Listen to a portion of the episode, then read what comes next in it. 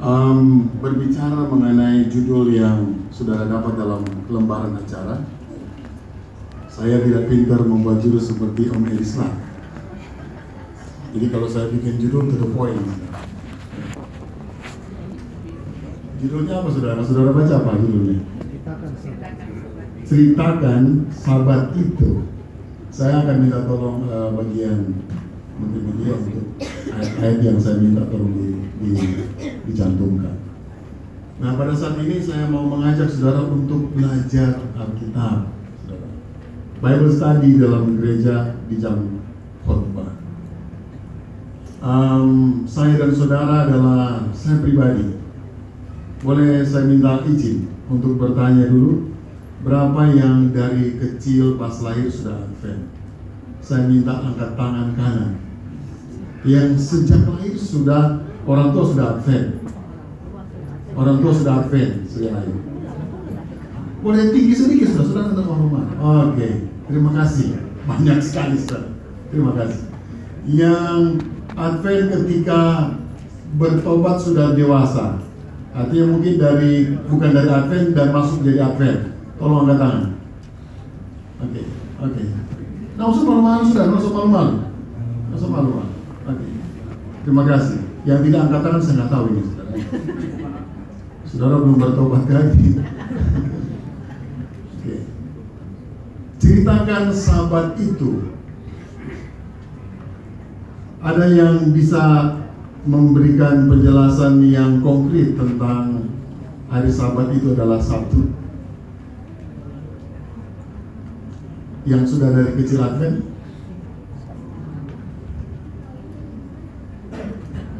Jadi inilah yang saya akan ajari.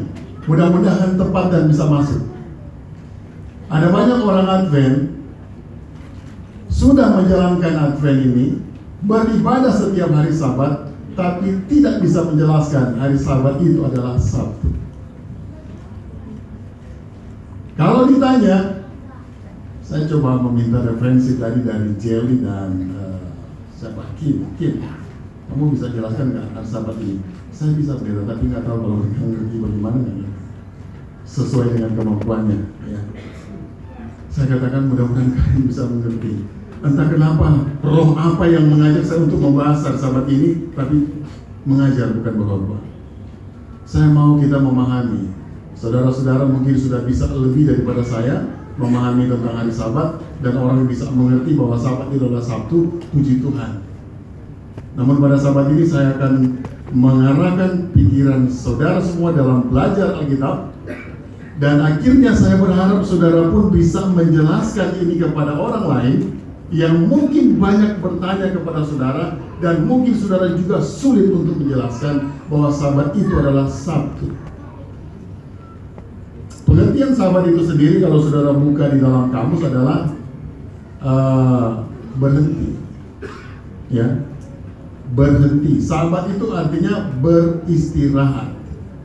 Berhenti. Jadi kalau sahabat itu beristirahat, belum tercantum di sana itu adalah hari apa? Hari kudus. Sementara kalau kita dalami baik-baik pelajaran uh, tentang sahabat ini, kita akan nanti akan ketahui belakangan bahwa sahabat itu adalah hari kudus Tuhan. Ya. Nah, saudara-saudara yang kasih dalam Tuhan, ada yang bawa kitab? Sangat berharga sekali saudara datang di gereja bawa kitab. Oke. Okay. Angkat, angkat saudara, angkat saudara, angkat, angkat. Nah, semua malu. Oh, puji Tuhan. Oke, okay. nah Alkitab. Alkitab. Alkitab. Nah apa-apa saudara angkat saja. Saudara kan sudah zaman modern kita terima dengan iman saudara. Ya. Tapi ini bukan Holy Bible ya, bukan Holy Tab ya. Yang Holy Bible ini. Kalau yang ini bukan Holy Holy eh bukan Holy uh, bukan Holy Bible. Baik kita mulai.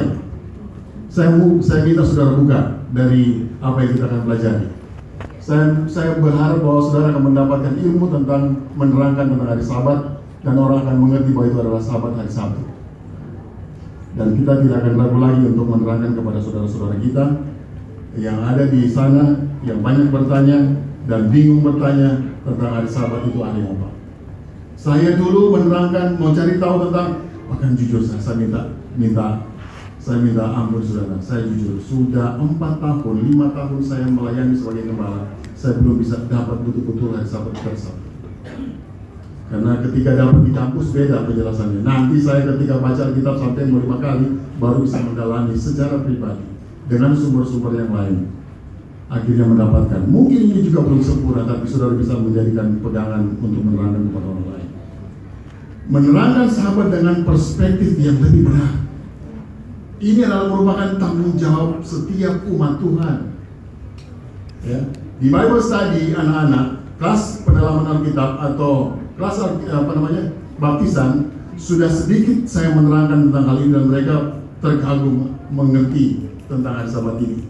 Nah, jangan kita kelas baptisan lebih pintar daripada orang tua saudara mengenai hari Sabat. Sahabat harus dipahami dan dapat dijelaskan dengan benar untuk kita semua. Nah, untuk menerangkan hari kudus yang disebut Sabat, pertama-tama saudara harus jelaskan bahwa dari hari awal penciptaan bumi ini Tuhan menciptakan dalam waktu berapa hari saudara? Ya, tujuh hari saudara Tuhan menciptakan. Berapa hari Tuhan menciptakan uh, minggu ini? tujuh hari. Jangan saudara kasih kurang.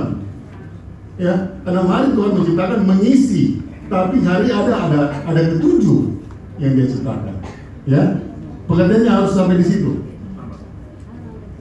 Jadi berdasarkan kuasa yang tak terbatas dari kealahannya, kejadian tentang bumi ini diciptakan selama tujuh hari. Ada isi tujuh hari di dalamnya. Siklusnya berputar selama tujuh, tujuh hari. Nah, untuk mengetahui awal dari semua yang kita akan bahas, mari saudara buka kejadian pasal 2 ayat 1 sampai yang ketiga.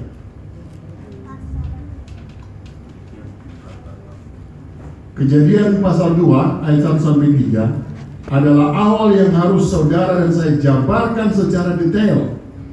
Setelah penciptaan dari hari pertama yang disebut hari satu, hari dua, hari keenam, ya hari keenam. Ingat, saudara-saudara, dalam menerangkan hari hari dalam menerangkan hari harus menerangkan hari itu satu, bukan saudara mengerti dengan bahasa kalender. Oke? Okay?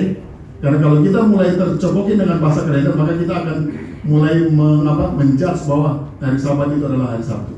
Sudah dari awal menjelaskan seperti itu bukan. Jadi kita harus mengerti bahwa menjelaskan hari itu adalah mulai dari hari Sabtu, 2, 3, 4, 5, 6 dan 7. Pengertiannya seperti itu. Baru baru kita akan mengantar para pendengar, para pelajar, para yang mau belajar dapat diantarkan dan lebih menerima dengan lebih yakin. Karena kalau kita pakai bahasa kalender, akan sukar untuk diterima di dalam penjelasan pertengahan penjelasan kita akan sukar untuk diterima. Makanya gunakan penanggalan mulai dari hitungan apa? Satu, dua, tiga, dan seterusnya dalam satu minggu.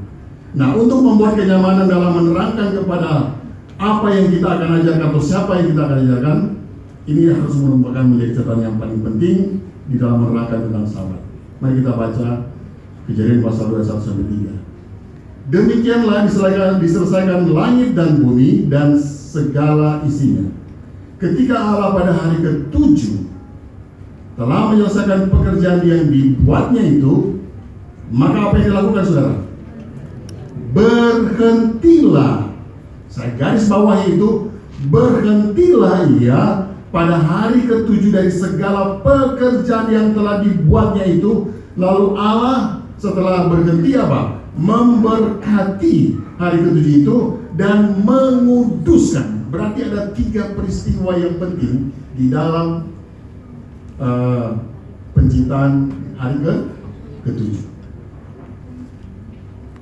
Ada tiga peristiwa yang penting di dalam penciptaan hari yang ketujuh. Ya, berhenti, memberkati, dan menguduskan. Karena pada hari itulah yang berhenti dari segala pekerjaan penciptaan yang telah dibuatnya itu. Saudara perlu terangkan di sini di hari ketujuh ada satu hal yang spesial dari penciptaan hari yang ketujuh ini berbeda dengan hari yang lain. Penciptaan dari hari pertama sampai hari ke-6 bunyi dari setiap kalimat setelah selesai penciptaan Tuhan bilang itu apa? Sungguh amat baik atau baik. Berbeda. Makna hari ketujuh dengan hari-hari sebelumnya berbeda. Di hari ketujuh dia bilang berhenti, dia berkati dan dia kuduskan. Dia tidak sebutkan baik karena itu benar tersiratnya sangat benar. Oke, bisa ikuti sampai di sini? Bisa ya? Bisa dipahami. Jadi berbeda. 1 sampai 6 dengan hari ke-7 itu beda maknanya. Ini untuk menerangkan kepada saudara-saudara kita yang menerangkan bahwa setiap hari itu sama saja. Tapi nampaknya sebenarnya apa? Ber, berbeda. Satu kali 24 jam, iya benar. Matahari terbit, iya benar. Ada malam, ada siang, iya benar. Tapi maknanya berbeda. Di hari ketujuh, ada kata berhenti, ada kata apa? Memberkati, dan ada kata menguduskan. Itu yang perlu diterangkan. Di mana kita tahu bahwa dalam penciptaan hari 1 sampai 6 kalimat yang diucapkan Allah, Tuhan adalah sangat baik, itu berbeda dengan makna yang hari ketujuh itu yang dikatakan kuduskan. Jadi hari ketujuh dengan hari yang lain tentunya pasti apa? Sangat berbeda. Oke, ingat dan perlu diterangkan juga dan tekankan bahwa pada waktu penciptaan langit dan bumi ini belum ada nama negara-negara lain. Tolong garis bawahi dan perlu terus saudara rekam baik-baik. Pada waktu Tuhan menciptakan belum ada bangsa-bangsa yang lain. Ya, masih ada siapa saudara situ? Masih Adam dan Hawa yang ada di sana. Dan Tuhan sudah mencantumkan itu kepada manusia pertama. Dia menciptakan itu, dia sahkan itu kepada manusia yang pertama. Ingat, kata manusia ini akan tetap digunakan. Manusia pertama. Jadi belum ada bangsa-bangsa lain. Sehingga orang yang nanti akan bertanya dan berdialog dengan kita yang mengatakan bahwa eh hari sabat itu cuma untuk orang Yahudi itu terpental dengan kalimat yang baru kita terangkan. Amin, saudara. Kalau sudah sampai situ, maka kita pemahamannya sudah harus sangat luar biasa. Baik, kita lanjut. Setelah menerangkan kejadian pasal 2 ayat 1 sampai 3, maka kita akan loncat ke keluaran pasal 20 ayat 8 sampai 11. Ingat step ini, saudara tolong catat kalau saudara mau catat. Keluaran pasal 28 sampai 11 dikatakan ingatlah dan kuduskanlah hari Sabat. Enam hari lamanya engkau akan bekerja dan melakukan segala pekerjaanmu, tetapi hari ketujuh adalah sahabat Tuhan dalammu, maka jangan melakukan suatu pekerjaan engkau atau anakmu laki-laki atau anakmu perempuan atau hambamu laki-laki atau hambamu perempuan atau hewanmu atau orang asing ada di tempat kediamanmu. Sebab enam hari lamanya Tuhan menjadikan langit dan bumi laut dan segala isinya dan dia berhenti pada hari ketujuh itulah sebabnya Tuhan garis bawahi memberkati hari itu menguduskan ya. Dia memberkati hari itu dan menguduskan. Dia berhenti memberkati dan menguduskan.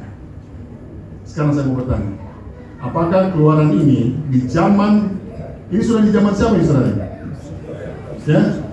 Di zaman bangsa Israel ini waktu yang cukup lama dari zaman pencipt, penciptaan. Dan firman Tuhan dalam kejadian pasal 2 ayat 1 sampai 3 masih sama murninya dengan yang dituliskan dalam keluaran pasal 20 ayat 8 sampai 11. Di dalam kita 10 10 Oke, masih bisa ikuti saudara?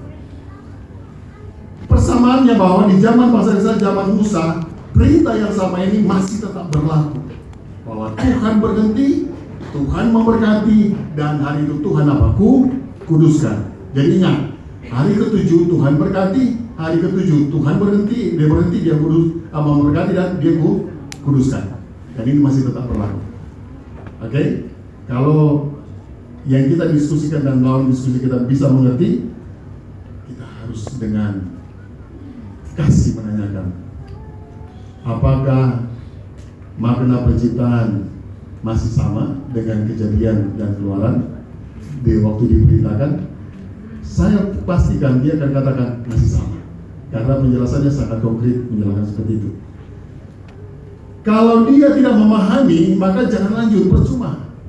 Karena dua ini yang menjadi kunci akan memisahkan antara perayaan hari sahabat orang Yahudi dan perayaan di zaman saat penciptaan. Kalau di sini dia suka untuk mengerti, belakangan dia akan terima-terima. Uh, iya iya tapi tidak mengerti se, se, sejelas-jelasnya. Ini akan sangat berbahaya. Sehingga makna hari sahabat ketika mereka merayakannya suka untuk mereka apa? Kuduskan betul-betul. Saya dan saudara yang di latar belakang Advent betul-betul kita ikuti betul-betul karena apa? Sudah jadi uh, apa namanya kebiasaan keluarga ya turun temurun kalau dia sudah memahami baru kita akan lanjut saudara. Dan saudara juga harus tetap menyatakan bahwa hari sabat yang dimasukkan di dalam ayat kejadian pasal 2 dan keluaran pasal 20 itu adalah merupakan sebuah perintah yang akan tetap berlaku sampai di dalam kerajaan sorga. Dia akan pasti bertanya emang betul? Karena saya sudah alami Diskusi ini adalah diskusi saya dengan seorang pendeta yang akhirnya dibaptis. Makanya saya jadikan sebuah PowerPoint, uh, saya mau cantumkan tadi semua.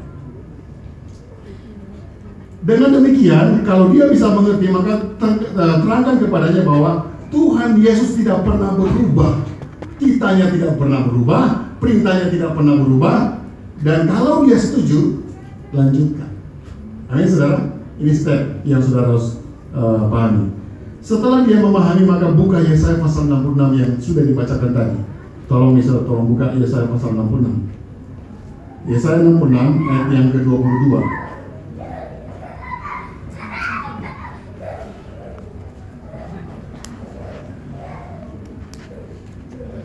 Nah, ini kenapa saya, saya tadi sempat menahan Alkitab dari pil karena bunyinya berbeda.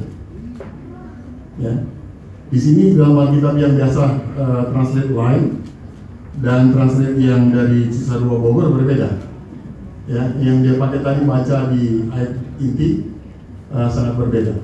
Dikatakan begini, sebab sama seperti langit yang baru dan bumi yang baru yang akan kujadikan itu tinggal tetap di hadapanku, demikianlah firman Tuhan, demikianlah keturunanmu dan namamu akan tinggal tetap.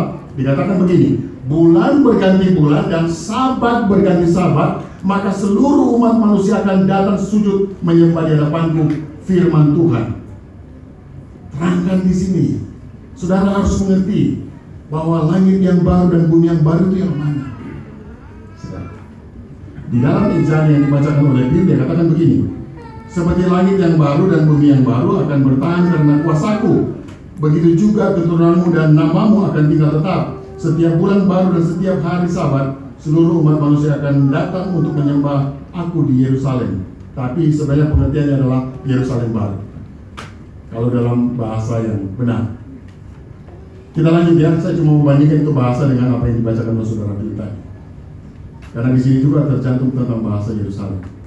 Jadi kalau dia dia mengerti tentang Yerusalem baru dan uh, dunia yang baru, maka sudah barang tentu dia akan memahami bahwa dunia sekarang ini bukan dunia yang baru.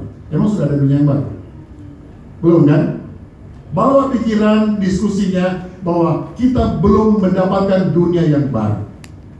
Berarti akan ada dunia yang yang baru yang akan nanti dinikmati oleh umat-umat Tuhan yang setia dan di dunia yang baru itu ternyata hari Sabat tetap harus tetap apa? Tetap menjadi hari kudus bagi siapa? Bagi Tuhan. Oke? Okay? Kita bisa lanjut? Gak apa-apa kalau saudara mau bertanya di saat ini gak apa-apa kalau masih bingung. Supaya kita dapat jelas. Nanti juga akan bahan ini saya akan share ke grup biar saudara semua dapat. Tanyakan juga apakah dia mengerti sama pengertiannya dengan Yesaya 66 ayat 22 dan 23. Jika dia mengakuinya maka akan lanjut lebih ke dalam lagi dalam pembahasan mengenai sahabat. Jadi pengertian tentang perayaan sahabat di zaman keluaran pasal 20, kejadian pasal 2 ayat 1 sampai 3 akan sama maknanya perayaannya di ayat sahabat di uh, Yesaya pasal 66 ayat 22 dan 23. Kalau dia mengakui bahwa itu akan berguna di di di dunia akan baru, maka sudah lebih terarah untuk menjabarkan kepadanya tentang sahabat yang benar. Kalau dia sudah mengakuinya, maka kita akan berlanjut kepada Markus pasal 2 ayat 27. Saudara buka Markus pasal 2 ayat 27. Waktu saya bawa diskusi ini ke kelas 4 bisa mereka ketawa-ketawa. Dikatakan begini, lalu kata Yesus kepada mereka, hari sabat diadakan untuk manusia dan bukan manusia untuk hari sabat. Ada sesuatu yang menekan nggak di sini tentang hal ini? Hari sabat diadakan untuk manusia dan bukan manusia untuk hari sabat. Sekarang pertanyaan saya kepada saudara, siapa manusia?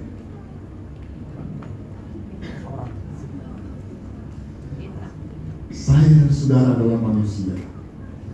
Yang di luar sana juga yang saudara lihat yang bentuk sama dengan kita adalah manu, manusia.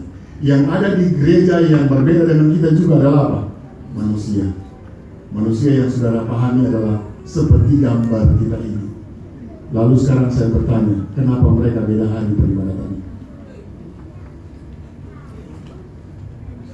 Karena mereka masih memahami di sini bahwa hari yang mereka beribadah adalah juga hari Sabat.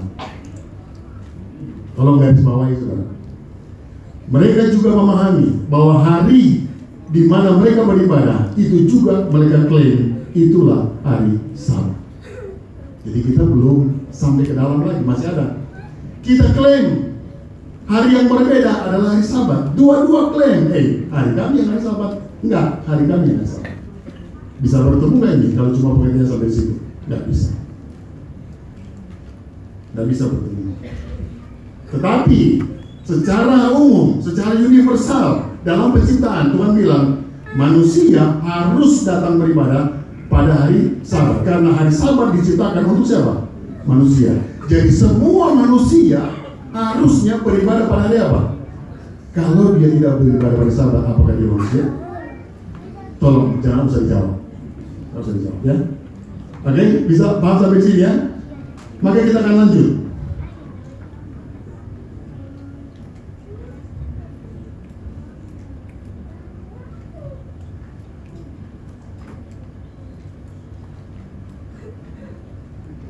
Sampai di pembahasan sudah jawab ada berapa ayat? Sudah diserap catat? Dari dari kejadian sudah berapa? Empat. Apakah sudah tertulis di sana hari Sabat dan Sabtu? Belum. Orang juga belum bisa mengerti hari Sabat dan Sabtu. Tidak bisa. Belum dapat di situ. Kita dengan gelantang mengatakan bahwa ketika orang bertanya, kenapa kamu beribadah Sabat? Kita langsung buka keluaran pasal 20. Betul nggak saudara? Kita langsung buka keluaran pasal 20 8 sampai 11. Karena Tuhan yang perintahkan ini 10 hukum. Ingatlah dan kuruskan hari Sabat. Betul nggak saudara akuin dah itu? Paling tidak saudara akan tambah. Eh, itu kan bukan lagi di perjanjian baru, kan perjanjian lama itu. Perjanjian baru memang ada. Pasti saudara kalau saudara lebih tambah lagi, saudara akan buka ke Ibrani pasal 4. Karena di situ dikatakan ada hari yang tetap Tuhan tetapkan, yaitu hari Sabat, tapi tidak sebutkan hari Sabtu. Karena hari Sabtu ini saudara tidak pernah akan dapat di dalam Alkitab. Tidak pernah tertulis dalam Alkitab hari Sabtu. Yang ada dalam Alkitab dia bukan tertulis tapi tersirat. Sangat tersirat hari Sabat itu hari Sabtu. Nanti kita akan lihat. Baik. Jadi sampai pembahasan ini belum ada ayat yang menjelaskan bahwa hari Sabat itu adalah hari Sabtu. Oke, kita lanjut. Untuk mengetahui bahwa hari Sabat adalah kemudian dapat menerangkan kronologi tentang hari Sabat itu yang benar, maka kita buka Lukas pasal 23. Mari kita buka Lukas pasal 23. Lukas pasal 23 Judulnya kita mulai dari ayat 50. Perikopnya berbunyi tentang Yesus dikuburkan. Kita bahas hari Sabat, tapi judulnya apa? Yesus dikuburkan. Karena hari Sabat itu tersirat di sini. Tidak tertulis, tapi sangat tersirat di sini. Kita baca sama-sama.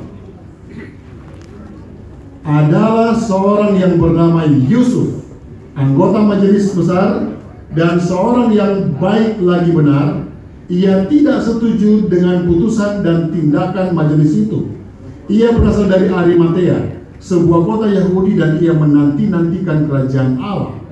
Ia pergi menghadap Pilatus dan meminta mayat Yesus dan sesudah ia menurunkan mayat itu ia mengapaninya dengan kain lenan lalu membaringkannya di dalam kubur yang digali di dalam bukit batu di mana belum pernah dibaringkan mayat. Saudara, Yesus mati jam berapa? Dituliskan Yesus mati jam 3 sore. Oke? Okay?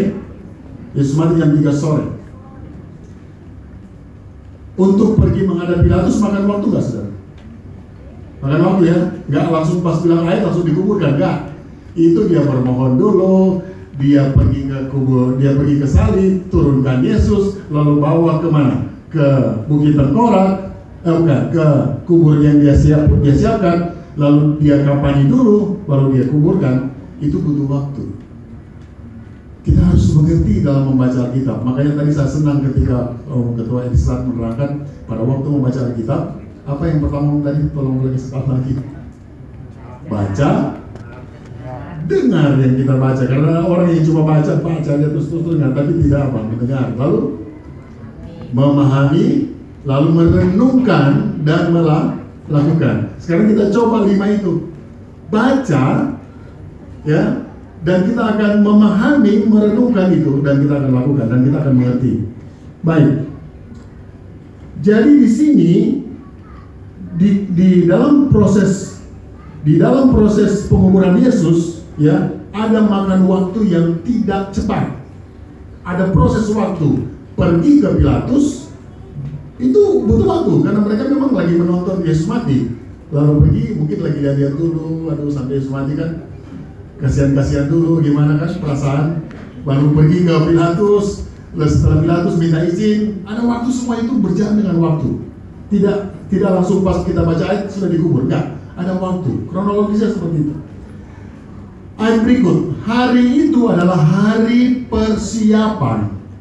Oke, pada waktu dia meminta mayat Yesus dan ketika dibawa di kubur disebut hari itu adalah hari persiapan dan sabat hampir mulai.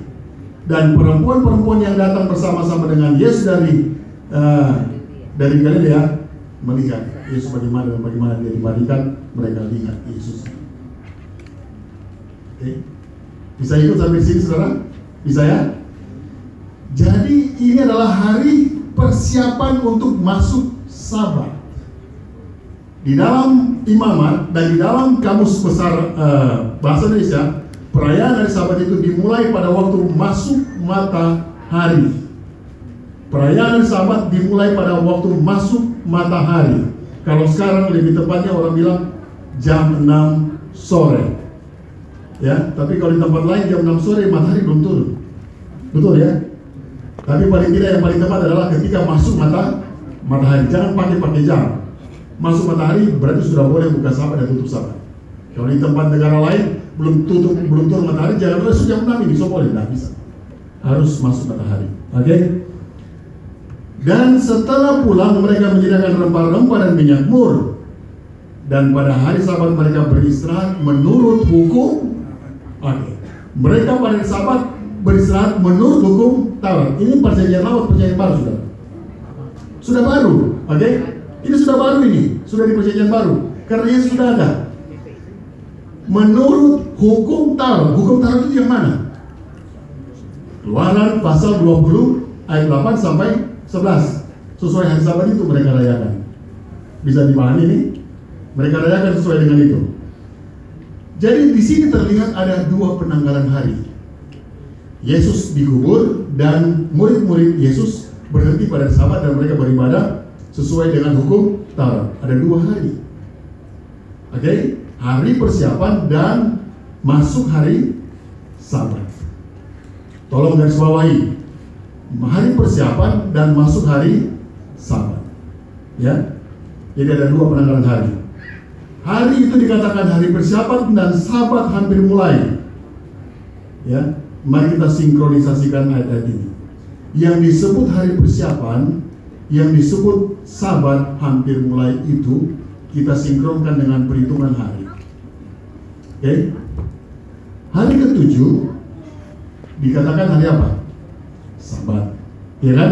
Dalam Alkitab dikatakan hari itu hari Sabat. Berarti sebelum hari ketujuh, hari berapa? Enam. Maka dia akan turun sampai hari keberapa? Ke satu. Hari ketujuh disebut hari Sabat. Hari keenam adalah hari persiapan. Lalu dia turun berapa hari ke bawah? Lima hari ke bawah lagi. Dan dia akan mulai dari satu, dua, tiga, empat, lima, enam, tujuh. Sampai di sini saya terangkan belum ada dituliskan hari Sabat, hari Sabtu. Belum. Karena dia tersirat di dalamnya. Baik, kita lanjut. Hari persiapan ini adalah hari ke-6. Akui sama-sama. Hari persiapan adalah hari ke-6 dan memasuki dan memasuki sabat yang disebut sabat hampir mulai adalah hari di mana akan berlaku hari yang lain. Sabat hampir mulai. Jadi hari ke-6 Yesus mati dan sabat hampir mulai karena perhitungan mulai hari bukan jam 12 malam. Saudara. Perhitungan hari Alkitab itu adalah mulai dari jam masuk matahari. Jadi saudara jangan salah. Karena kalau ketika saudara sudah ulang tahun, saudara klaim itu nanti besok. Padahal sudah masuk jam 6, masuk matahari. So, rayakan ulang tahun itu. Tapi orang Advent suka ikut-ikut yang yang nggak tahu deh. Saudara jawab sendiri. Eh dong, kalau sesuai Alkitab, saudara mau jalankan yang sesuai Alkitab kan? Oke okay, ya. Jadi pada waktu itu belum ada saya terangkan di sini tentang hari Sabat. Jadi hari 1 sampai hari ke-6 dan hari ke-6 Yesus mati dan dia dikuburkan dan hari itu disebut hari persiapan. Sabat hampir mulai berarti akan masuk kepada siklus hari yang ber, berbeda. Hari baru yang disebut hari ke-7. Oke? Okay? Saya pastikan saudara sudah paham. Mari kita buka Lukas pasal 24 ayat 1. Lukas 24 1. Tetapi pagi-pagi benar pada hari pertama minggu itu mereka pergi ke kubur membawa rempah-rempah yang telah disediakan mereka mendapati batu sudah terguling dari kubur itu dan setelah masuk mereka tidak menemukan mayat Tuhan Yesus. Ada satu hari di situ. Hari persiapan hari sabat dua hari. Lalu pada waktu mereka selesai masuk matahari, ya satu sabat mereka menyelesaikan di hari ke hari ketujuh. Besok paginya mereka ke mana? Ke kubur. Berarti ada berapa hari saudara? Tiga hari. Di sinilah letak tersirat hari sabat itu saudara. Tapi karena kala ketika kita baca lurus aja, kita tidak dapat di situ hari sabatnya hari Sabtu. Di sini tercatat, bukan tercatat, tersirat. Sekarang saya mau tanya, coba tolong saudara buktikan di seluruh dunia, orang Kristen, agama Kristen apa pun, adakah yang mengklaim Yesus mati bukan hari Jumat Agung? Ada? Ada yang klaim? Semua klaim Yesus mati Jumat Agung. Makanya itu disebut apa? Jumat Agung. Dan itu jatuh pada hari keberapa? Enam. Jumat Agung jatuh pada hari ke enam. Sesudah Jumat Agung itu kan jadi hari ke-6 masuk pada hari Sabat yang disebut hari ke-7 hari berhenti penghentian sini aja kalau kita sudah mulai hitung kalender ini sudah masuk hari keberapa sesudah hari Jumat saudara Sabtu oke okay? mari kita buka kamus Alkitab Saudara yang bawa kitab muncul. Yang bawa kitab ini muncul. Mari kita buka kamus. Kamus Alkitab di dalam abjad H yang berjudul Hari Persiapan. Dapat saudara? Sudah dapat hari persiapan? Ada abjad H. Kamusnya abjad H, judul perikopnya Hari Persiapan. Tolong katakan yang sudah dapat. Oke, okay, tim sudah dapat. Pak, sudah dapat, sudah dapat. Tolong, yang bawa kita tadi banyak sekali tadi. Sudah dapat hari.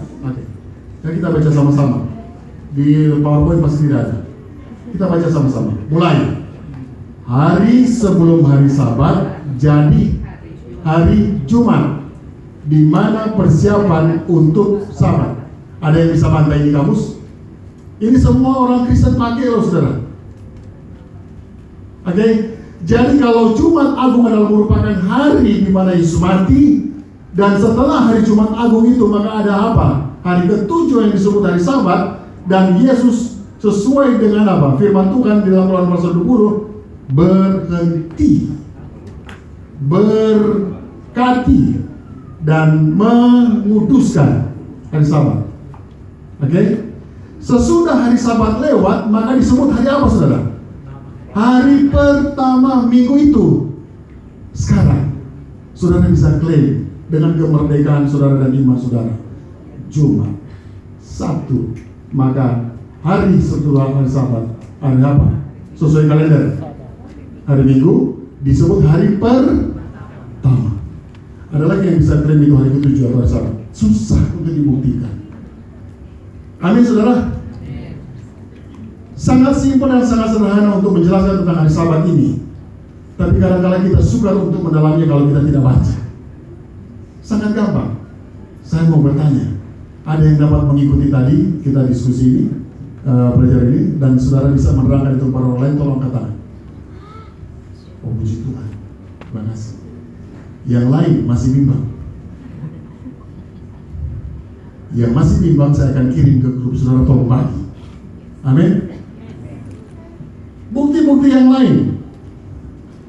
Setelah akhirnya kita mengetahui bahwa hari Jumat adalah hari kematian, Yesus dan itu adalah hari ke-6, besoknya hari ke-7, dan sabat itu disebut hari ke-7, maka besoknya hari pertama minggu itu Lukas pasal 24 dan 1. Siklus hari berputar kembali dari 1, 2, 3, 4, 5, 6, 7 dan itu akan tetap berputar terus saudara. Amin. Itu tetap akan berputar terus. Jadi akan gampang kita menerangkan bukti-bukti yang lain.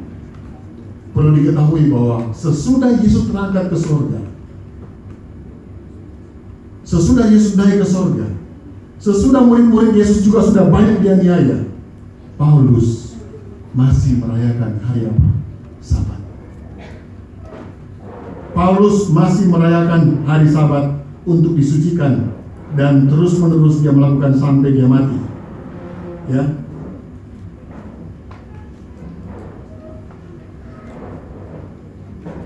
Kalau ini ini saya belum gabungkan dengan sejarah. Kalau kita gabungkan lagi dengan sejarah, maka akan lebih jelas. Cuma kalau nggak enaknya sejarah, kita boleh menuding satu agama. Nggak enak. Lebih baik pakai Alkitab saja.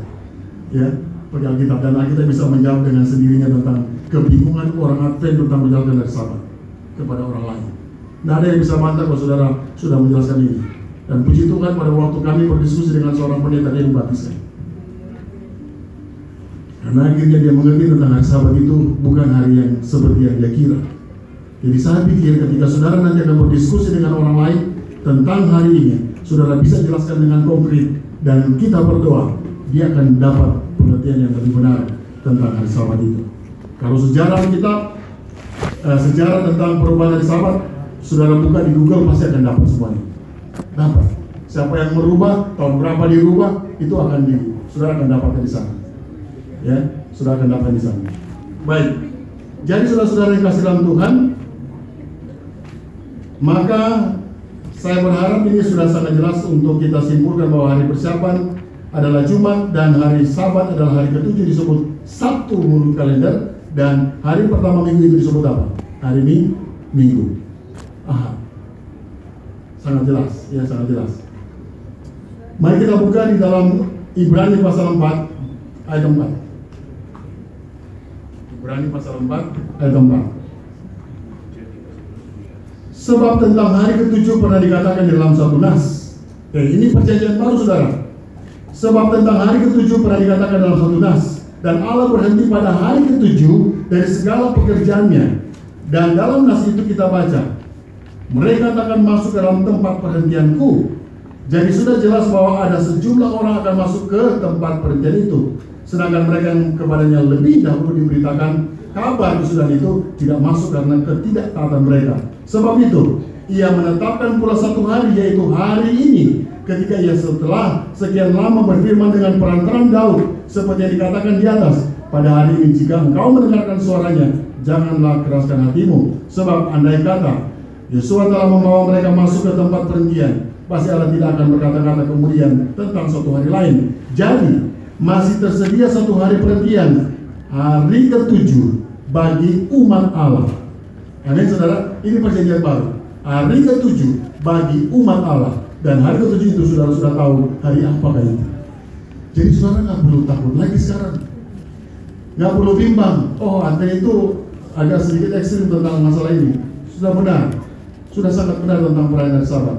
Walaupun sebenarnya saya boleh katakan mungkin secara pandangan teologi ya, mungkin juga saudara akan bingung. Tapi sebelum saya mau tanya ini, saya mau bertanya kepada saudara, siapakah yang menyelamatkan saya dan saudara? Yesus. Oleh karena apa kita diselamatkan? Kasih karunia, kasih karunia. Walaupun mungkin saudara pengerti yang sampai situ, hari Sabat sebenarnya bukanlah salah satu hal yang untuk menyelamatkan, tetapi kewajiban untuk dilakukan. Amin, saudara. Harus karena hari Sabat itu menjadi kebiasaan sampai di mana?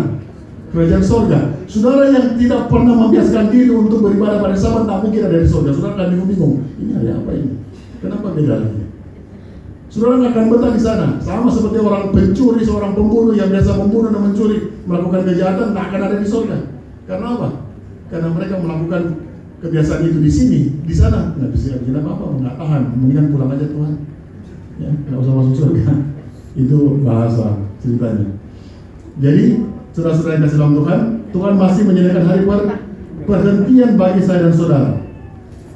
Saya tuliskan tadi bahwa uh, jemaat sesudah Paulus masih beribadah terdapat dalam kisah pasal 13 ayat 14 dan kisah pasal 17 ayat yang kedua. Catat itu sebagai pegangan bahwa Tuhan tetap memberkati dan mengiyakan hari Sabat itu tetap akan ada sampai di dalam kerajaan surga. Tidak pernah akan berubah. Dan kisah 18 ayat 4 juga saudara boleh buka, saya sudah lihat waktu sudah cukup panjang.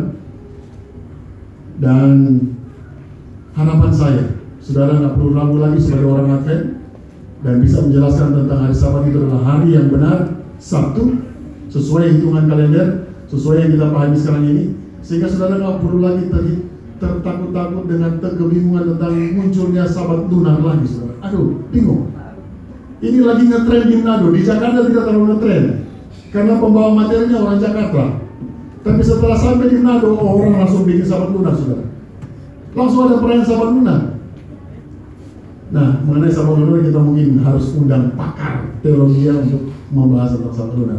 Tapi Sabat lunar sudah ada di YouTube dan dibawakan oleh kalangan gereja.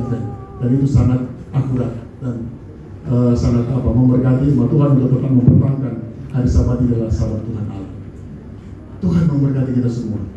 Mudah-mudahan dengan penjelasan tentang hari Sabat ini, maka saya dikatakan ini bukan khotbah tapi mengajar, memberitahu, menginformasikan bahwa kita akhirnya bisa menjelaskan itu kepada orang lain. Amin.